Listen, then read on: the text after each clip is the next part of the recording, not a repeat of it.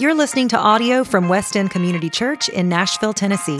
If you'd like to check out more great resources or make a donation to this ministry, please visit westendcc.org. Thanks for downloading, and we hope this encourages you today.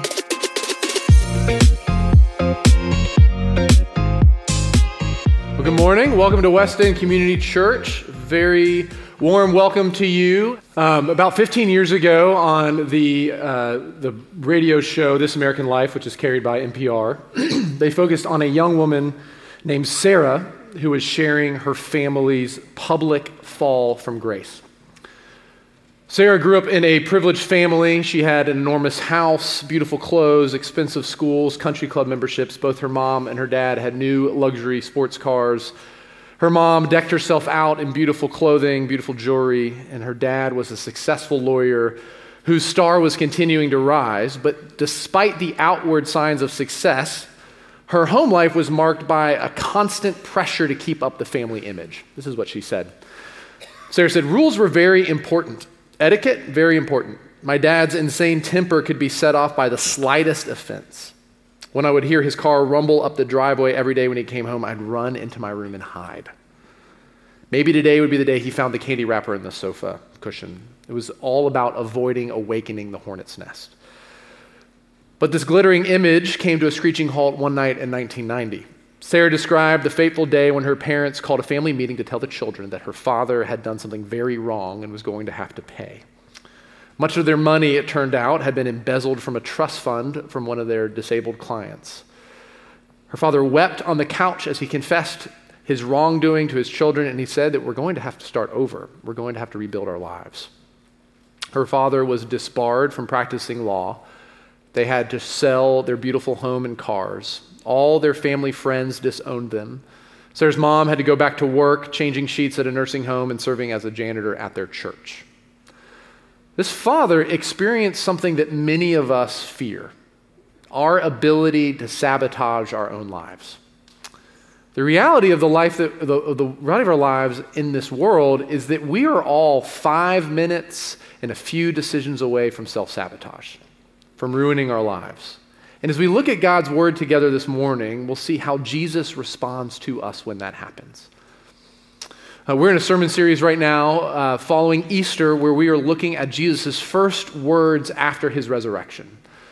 So we're in chapters 20 and 21, and what we've seen so far is Jesus entering into Mary's sadness with his comfort and then Jesus entering into the disciples' fear with his pride, Jesus entering into Thomas's doubt with his wounds, and then last week Greg showed us Jesus entering into the fracture of his disciples' relationships with the gift of his fellowship. And this morning in our passage, our attention is given to Peter, to his self-sabotage, his failure, and Jesus' response in love. And what we'll see as we look at this together is that even when we ruin the best thing going for us, even when we fail so big that all that we have worked for is lost, even if we self sabotage, that it is impossible for us to outsin God's grace. And Jesus moves towards us in our failure with his love. So I invite you now to stand for the reading of God's word. It's on the screen, it's also printed in your bulletin. This is John chapter 21, verses 15 through 19. This is God's word for us this morning. It is trustworthy and true, and he gives it to us in love. When they had finished breakfast, Jesus said to Simon Peter, Simon, son of John, do you love me more than these? And he said to him, Yes, Lord, you know that I love you. He said to him, Feed my lambs. He said to him a second time, Simon, son of, John, son of John, do you love me? And he said to him, Yes, Lord, you know that I love you. And Jesus said to him, Tend to my sheep. And Jesus said to him a third time, Simon, son of John, do you love me? And Peter was grieved because he said to him the third time, Do you love me? And he said to him, Lord, you know everything. You know that I love you. Jesus said to him, Feed my sheep. Truly, truly, I say to you, when you were young, you used to dress yourself and walk wherever you wanted. But when you're old, you're going to stretch out your hands, and another will dress you and carry you where you don't want to go. This he said to show by what kind of death he was to glorify God. And after this, Jesus said to Peter, Follow me. This is the word of God for the people of God. You may be seated.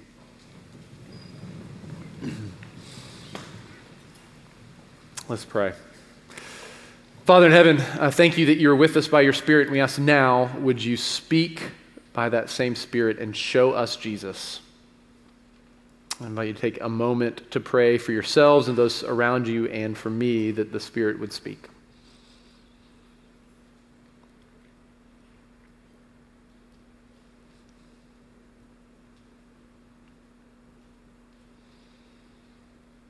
In the name of the Father, and of the Son, and the Holy Spirit. Amen.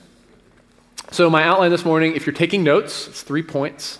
Um, the root of true failure, the response of true love, and the result of truly being loved. So, the root of true failure, the response of true love, and the result of true, truly being loved. So, first, the root of true failure.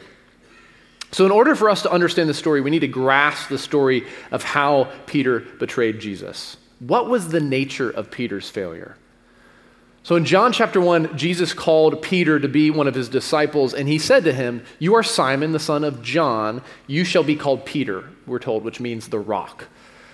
And Jesus commissioned Peter to be the rock on which he was going to build his whole enterprise. Peter was going to be the foundation on which Jesus was going to establish his mission to the world. Now, Peter was part of Jesus' 12 disciples, and he spent three years apprenticing himself to Jesus. And then on the Thursday of Holy Week, so the day before, or the night before Jesus was crucified, Jesus gave his disciples a new commandment. This is in John chapter 13. He said to them, This is my commandment, that you would love one another. Just as I love you, you are to love one another. And how did Peter respond to Jesus? He said, I'm in. I can do it. So, Jesus had just said that the standard for love and this new create community I'm creating in myself is me. It's my incarnation, it's my crucifixion, my death for sinners, for the sin of the world. And Peter's response is a self confidence I'm in, I can do it. Fully confident in his own ability to live up to this standard. It didn't humble Peter. Instead of humbling, it got him thinking about himself, how much he loved Jesus, how prepared he was to love like Jesus. And then just a few verses later, Jesus told his disciples that he was going to the cross. The disciples would not follow him. And Peter, full of self confidence, strongly disagreed. And he said, Why can't I follow you now? I am going to lay down my life for your sake. And Jesus' response, rebuke. He rebuked Peter. He said, Peter, will you lay down your life for my sake? Truly, I tell you, you are going to deny me three times before the rooster crows. So they leave the upper room and they're walking to the Garden of Gethsemane together. And then the subject comes up again. And Jesus is talking about how the disciples are going to scatter and then he would be crucified and that they would, he would bring them back together again after the resurrection. And Peter interrupts Jesus to say, They may fall away because of you, but I'm not going to fall away. And then Jesus repeated his prophecy of Peter's denial. And Peter answered again, even Jesus, even if I must die with you, I will never deny you. And then, just a few hours later, at the hour of Jesus' greatest need, after he had been handed over to the religious authorities, Peter was asked three times, Do you know this man? And three times he flat out denied it. And then he heard the rooster crow, and then he went away and wept bitterly. Not only had Peter denied knowing his friend hours before he was brutally executed, he had disqualified himself from being the foundational leader of Jesus' movement. Peter had sabotaged his own life. So, what was the cause of Peter's self destruction? What was it that led to his self sabotage? Why did Peter fail? Simply put, self confidence. Peter thought that he had what it took to do life on his own. And are we that much different? We do this all the time, putting our confidence in our abilities or our appearance or our relationships, our education, our wealth, our status, our jobs, putting our confidence in ourselves. And really, it doesn't matter if those things are good or bad in our self assessment. You can put your confidence in yourself and be, um, and be a cowering, fearful person because you don't think you've got what it takes. Or you can put your confidence in yourself and be a grandiose narcissist because you are terrified that people are going to find out that you don't have what it takes.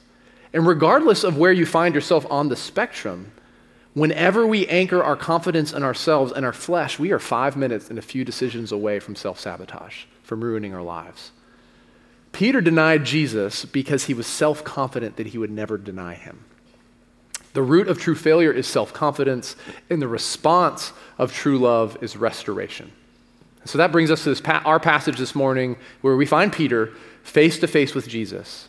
And the first thing I want you to notice is the name that Jesus uses to address Peter. He uses Peter's old name. Jesus asks, Simon, son of John, do you love me more than these? Now, why would Jesus use Peter's old name? He's using his old name to remind Peter of his weakness. Peter had come to believe that he really was a rock, that he really was stable and solid in himself, that it was intrinsic to him, not because he was connected to Jesus and he fell. And we do this too. We do this when we think that the work that God is doing in us is somehow be, has become intrinsic to us. When we give ourselves the credit for the good things going on in our lives, or when we think that our religious activity somehow gets us points with God. To be honest, as I've been preparing the sermon, I've been deeply convicted for two reasons. One, I've been fearful recently that somehow I'm going to sabotage my own life. And through studying this text, I've been convicted that this is because of my own self confidence. I have been giving myself credit for the good things happening in my life. And when we do this, we fall. When we anchor our well being or our sense of self or our identity or even our success in ourselves or in something we've done, we are setting ourselves up for failure.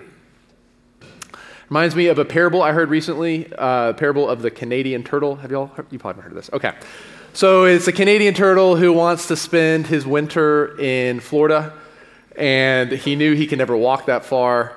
So he convinces a couple of geese to hold a rope and fly, and then he grabbed hold of the piece of rope with his you know, vice like jaws at the center, and he's flown over America. And um, the flight's going by, and someone looks up and says, Wow, who in the world thought of that? And unable to resist the chance to take credit, the turtle opens his mouth and shouts out, I did. That's what's going on with Peter. Peter's failure was thinking and believing that he, on his own he was the rock. His failure was his own self confidence. But when Jesus named Peter as the rock, he's saying, when Jesus named Peter as the rock, what he's saying is that when you collapse into me, when you know me as your strong foundation, you are going to be rock solid for others. So Jesus enters into this conversation with Peter. In our English translations, we see this word love six times. But there's something more going on in the original language. There are two words for loved here. The first is agape, which is the word that Scripture uses to refer to God's love, to divine love. We see this in John 3 16, which tells us, For God so loved the world, he gave his only Son. See this in, in John, um, 1 John 4, where we're told that God is love. This is the word agape. The other word is this word phileo, which is this is um, the human love, human love expressing itself in friendship. This is the highest love that we are capable, capable of apart from the new birth, apart from the work of the Spirit in us. One pastor writes that in order to get the effect of what Jesus is doing with Peter in this passage, um, we can look at agape love as 100% love and phileo love as 60% love. And then their conversation sounds like this. Jesus looks at Peter and he says, Simon, son of John, do you love me with 100% love, more than these others do? Now, remember earlier, Peter said that he loved Jesus more than the other disciples did, and that he would prove it by dying for him if need be. And he said this just after Jesus had told the disciples to love one another with this 100% love.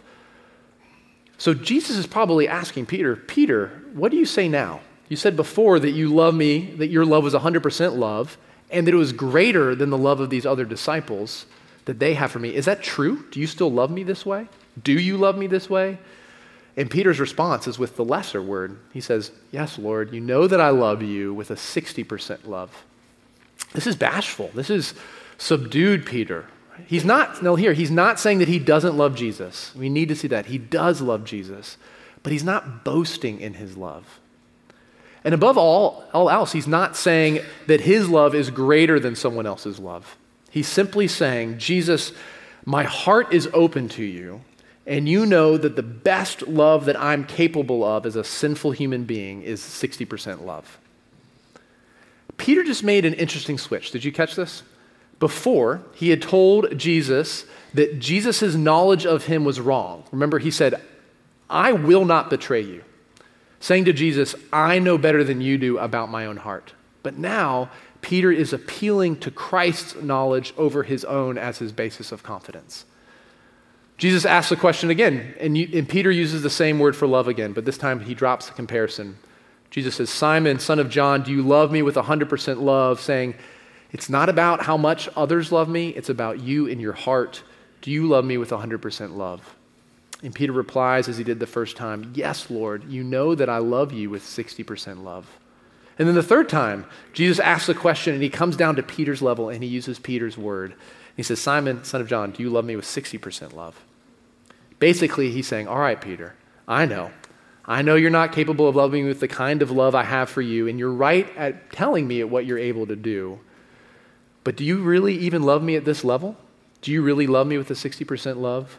And Peter, who now has no confidence in his own ability even to see into his own heart, says to Jesus, Lord, you know all things. You know I love you. And here Jesus is revealing an important dynamic for us. The issue with Peter's failure wasn't his confidence, it was that his confidence was in himself. So, what is the basis for your self assessment? Where do you anchor the certainty of your faith? Where do you anchor that you're standing with God? Do you anchor it in yourself, in your own knowledge? Or, like Peter, have you given up on yourself? And do you appeal to Jesus' knowledge of you as the basis of your assurance? Or to ask this another way, if someone were to ask you if you had a strong faith, what would you say? If someone came up to you and said, Do you have strong faith? How would you respond? When we talk about faith as an object, something that we can b- possess, we are basing our assurance on our own knowledge, the knowledge of our own hearts. We're saying, I know I possess faith, therefore I'm okay, I'm okay with God. But faith isn't an object. Faith, faith is the reality of weakness. Faith is the open hand that receives the gift of Jesus. Faith is the trust fall into the loving arms of the Father. Faith is the collapse into the grace of God. Who has, who has to have faith? Weak people. Who has the strongest faith? People who live in reality. Who has the weakest faith? People who live in the self deception of their own self confidence. Peter is done with self confidence. When Jesus asks him if he loves him, he answers by saying, Lord, you know that I love you. Peter has no confidence in his self knowledge. The only confidence he has is in Christ's knowledge, Christ's assessment of him. I want you to enter the scene with me. Peter is sitting at this charcoal fire on the beach with six other disciples. Jesus has just cooked them a meal. They ate together, and then Jesus begins this exchange in front of the others. Why does he do this? What is he doing? Jesus is masterful at applying his grace to our hearts. Rather than letting Peter live in the illusion of his self confidence and the tragedy of his self sabotage, Jesus walks him through his threefold denial and restores him to himself so that his confidence would be anchored not in his own strength, but in the love and grace of Jesus Christ, experienced in his community. I was speaking with a man a few weeks ago who told me that he had been struggling with lust and he just couldn't stop what he was doing. And then he confessed his sin to a group of men. He said, it just kind of happened. I just kind of blurted it out. He said, I told my Bible study that I'd been looking at things that I shouldn't have looked at and I want to stop. And he said that he was amazed at the power of his public confession. The gracious response of these brothers freed him. It freed him to go on. This is what Jesus says, or what John says to us in 1 John chapter 1, verses 8 and 9. If we say that we have no sin, we deceive ourselves, and the truth is not in us. But if we confess our sin, he is faithful and just to forgive us our sins and to cleanse us from all unrighteousness. Jesus wants Peter to know that he is forgiven, to know that the past is over, and he wants you to know the same. This is why we confess our sin together every Sunday. God gives us the gift of confession to end the matter so that we can pick up and go on with Jesus. Those who have confessed their wrongs are free to go on. Here's the thing if we knew how sinful we really were, we would not be so shocked by our failures. But most of us just don't know the depths of our own depravity. So we're shocked, especially when we fall into serious sin or we deny Jesus in public or private. What has Peter learned through his failure? He's learned that he's a real sinner. He's not a hypothetical sinner, but a real sinner. And that through his self confidence, he has the ability to sabotage what is most precious to him. Jesus knew this. Jesus knows all things, but he orchestrated this process for Peter to discover it. Jesus is applying the gospel to Peter's heart by walking him through his threefold confession. He's in effect saying to him, Cheer up, Peter. You are far worse than you could ever imagine. But cheer up, you are far more loved in me than you could ever dare hope. The lesson for us here is that we are to never say, I can do it, Lord. I can do it. I know in my heart. That's the self deception that can lead to self sabotage. Instead, we're to say, Lord, you know what's there. You know the depth of my sin better than I do, and you know my love for you because you put it there. Take it. Take it and make it into something beauty, beautiful that will abound for your glory. And if you do that, then both you and the Lord will begin together where you actually are.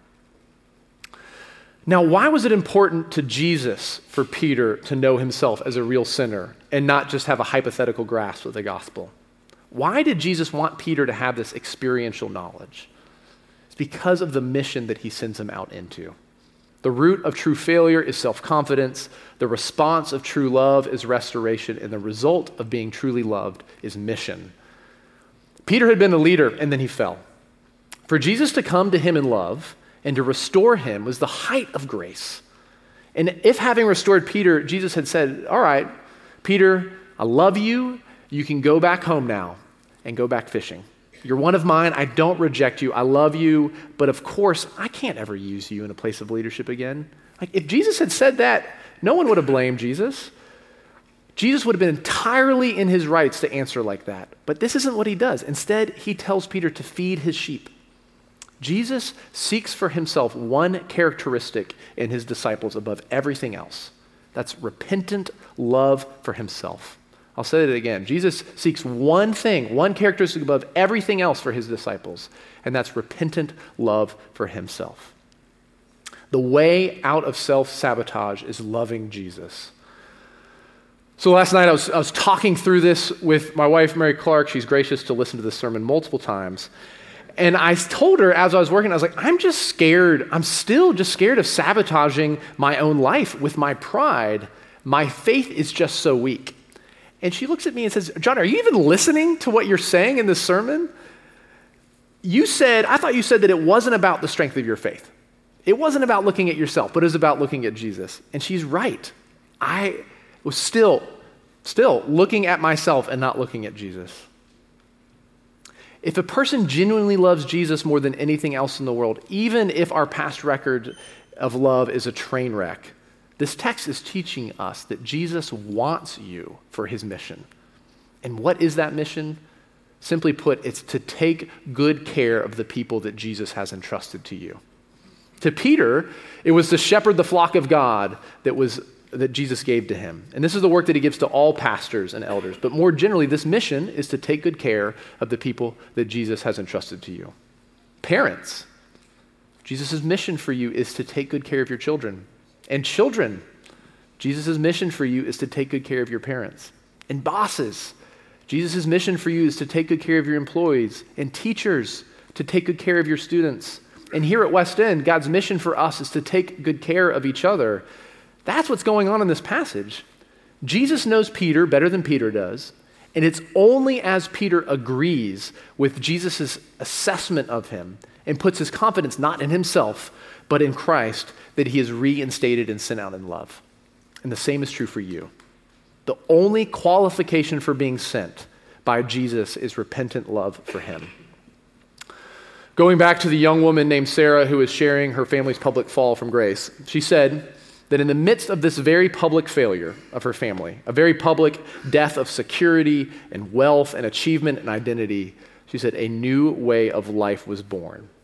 Here's what she said She said, My dad instantly became better.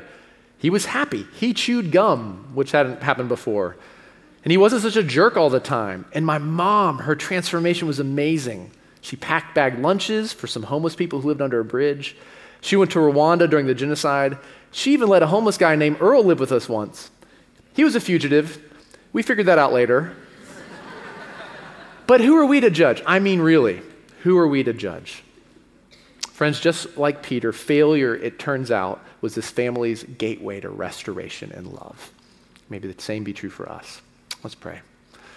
Father, we thank you for the story. Lord Jesus, we thank you for your love for Peter and for leading him this way so that we might find ourselves in your word.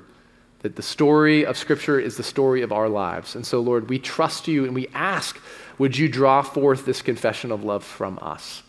Lord, that we, with full confidence in you, may say, We love you, Jesus. Thank you that you love us first. Amen.